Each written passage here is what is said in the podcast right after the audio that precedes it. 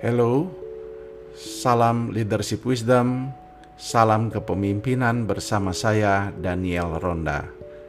Apa kabar saudara? Saya harap saudara menikmati podcast ini. Dan kalau saudara diberkati, jangan lupa berbagi dengan teman-teman, ceritakan ada podcast tentang kepemimpinan. Dan hari ini saya ingin melanjutkan uh, diskusi topik pembahasan tentang kepemimpinan. Dan kali ini saya bicara tentang uh, karakter seorang pemimpin. Nah, kalau kita bicara kepemimpinan, maka tidak terlepas dari peranan karakter. Karakter itu apa? Karakter itu ten berbicara tentang siapa diri Anda dan apa yang Anda kerjakan ketika tidak ada orang lain yang melihat. Itu tentang karakter. Sehingga hari ini uh, saudara akan diajak untuk membahas seberapa jauh pentingnya karakter dan uh, apakah uh, kegunaan karakter itu dalam kepemimpinan saya. Kalau kita melihat uh, karakter memang di dalam dunia kepemimpinan politik sekarang semakin uh, hilang peranan karakter.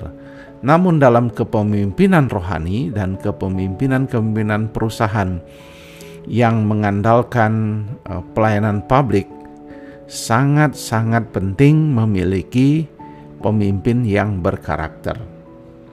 Nah, kenapa penting? Karena uh, dia akan memimpin dan memberikan kualitas yang terbaik dari apa yang dimilikinya dan dia akan uh, menjadikan perusahaannya atau gereja di mana dia melayani kalau dia seorang gembala akan memberikan yang terbaik karena dia melakukannya bukan karena dia mendapatkan uang atau pekerjaan tetapi karena panggilan dan itu karena karakter yang ada pada dirinya. Nah, ada yang bertanya kemudian, apakah mana yang lebih penting, karakter atau keahlian atau kompetensi? Nah, saya mengatakan dalam kepemimpinan rohani, keduanya penting. Keduanya tidak dapat dipisahkan. Artinya, kita perlu karakter, kita perlu juga kompetensi, kerja keras dan uh, untuk melakukan tugas kepemimpinan. Jadi saya berharap tidak dipisahkan karakter dan kompetensi, tetapi di dalam ketika kita bertanya tentang jika harus memilih salah satunya, maka memang karakter adalah hal yang paling esensial fondasi yang penting dalam uh, diri seorang pemimpin. Nah, oleh sebab itu kita harus para pemimpin, terutama pemimpin-pemimpin rohani harus bisa mengembangkan dan harus mau mengembangkan kepemimpinan berdasarkan karakter. Nah, karakter beda dengan reputasi.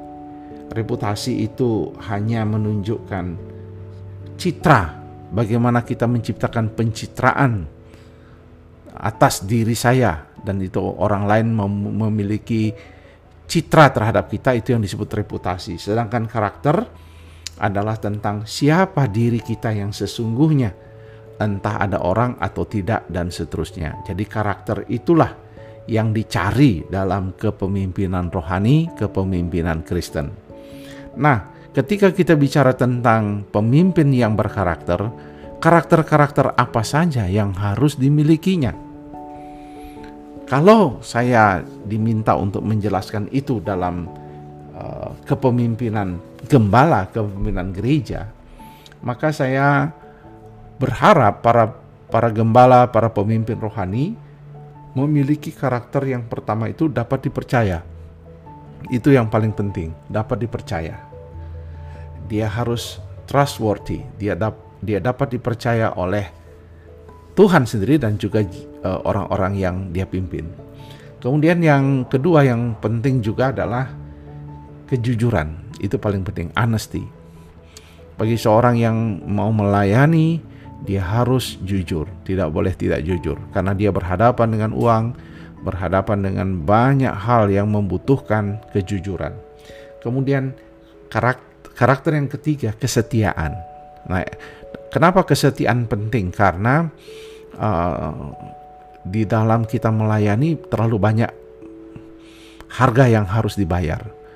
Banyak ketantangan, banyak masalah berhadapan dengan manusia. Tidak mudah berhadapan dengan manusia.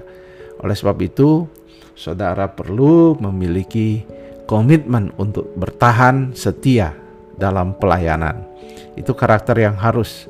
Sebab kalau tidak memiliki karakter itu, begitu ada tantangan, begitu ada kesusahan, kita langsung mundur ya. Tetapi ketika kita memiliki karakter setia, kita akan bertahan dalam pelayanan walaupun susah. Kemudian yang keempat, yang perlu adalah mengontrol diri. Jadi kalau saya ditanya apa karakter yang penting bagi seorang pemimpin rohani atau gembala, dia harus kontrol diri ya kak. Terlalu banyak hal yang membuat dia tidak bisa mengontrol diri ya. Begitu banyak godaan, baik seksualitas, godaan keuangan, godaan kuasa, godaan uh, gadget, HP dan sebagainya. Ada banyak hal yang membuat orang tidak bisa mengontrol dirinya. Dan kita perlu mengontrol diri. Begitu pula dengan emosi yang muncul dari orang-orang di sekitar atau kritik. Kadang-kadang kita tidak mudah mengontrol diri. Orang yang punya karakter hak mengontrol diri akan mampu menghadapi tantangan dalam pelayanan. Kemudian yang kelima yang diminta karakter yang diharapkan bagi seorang pemimpin rohani adalah transparansi.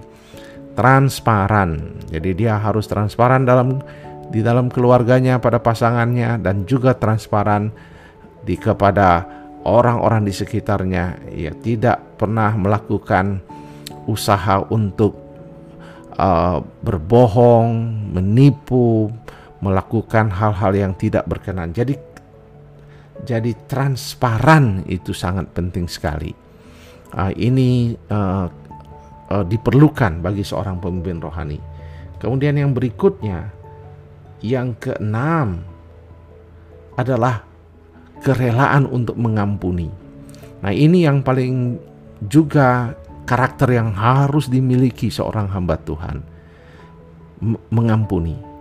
Karena ya tantangan ada orang menggosipkan, memfitnah, mengatang-atai di belakang kita dan sampai pada di mana kita rasanya berat ya menghadapi situasi itu.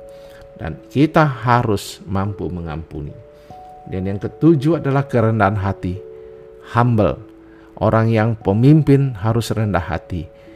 Dia tahu kapan dia tahu, dia tahu juga bahwa dia tidak tahu dia tahu uh, rendah, dia me tahu menaruh dirinya. Dia bukan rendah diri, tetapi rendah hati. Dia, walaupun dia bisa, dia tetap menganggap bahwa kepemimpinan itu karena kerjasama dalam tim. Ketika pelayanannya berhasil, dia akan berkata, "Ini tugas hasil kerjasama tim." Dia mempertunjukkan kerendahan hatinya. Kemudian dia uh, tahu diri, ini masih berhubungan dengan kerendahan hati. Yang kedelapan tahu diri, artinya tahu bahwa dia punya kelebihan, tahu juga punya kekurangan, tahu dia punya kelemahan dan dia akan menghargakan orang-orang yang membantu dia karena kelemahannya akan ditolong oleh orang-orang dan itu sebabnya kepemimpinan tidak bisa kerja sendiri harus dengan orang lain. Kemudian yang kesembilan adalah menjadi penguat bagi orang lain. Dia menguatkan orang lain, memberikan afirmasi, memberi pertolongan, kekuatan, kata-kata yang menguatkan, menghiburkan. Dia melihat sesuatu di balik segala tantangan ada pertolongan Tuhan. Jadi seorang pemimpin rohani adalah seorang penguat, bukan seorang pesimis, bukan seorang yang menakut-nakuti, tetapi dia adalah encourager yang mengafirmasi, yang memberikan kekuatan. Kemudian dia orang yang selalu bersyukur kepada Tuhan atas apa yang telah dimilikinya. Dia tidak merasa kekurangan, dia merasa Tuhan mempercukupkan apa pun yang dia miliki. Dan yang terakhir tentunya kelemah lembutan adalah gentleness adalah spirit yang penting, karakter yang penting juga dalam kehidupan para pemimpin. Nah, urutan-urutannya tentu akan berbeda-beda dari setiap orang, tapi kami berharap dari uh, daripada 11 12 uh, karakter ini, saudara harus memilikinya. Entah urutannya berbeda-beda, tidak penting urutannya, tapi karakter ini harus penting sekali.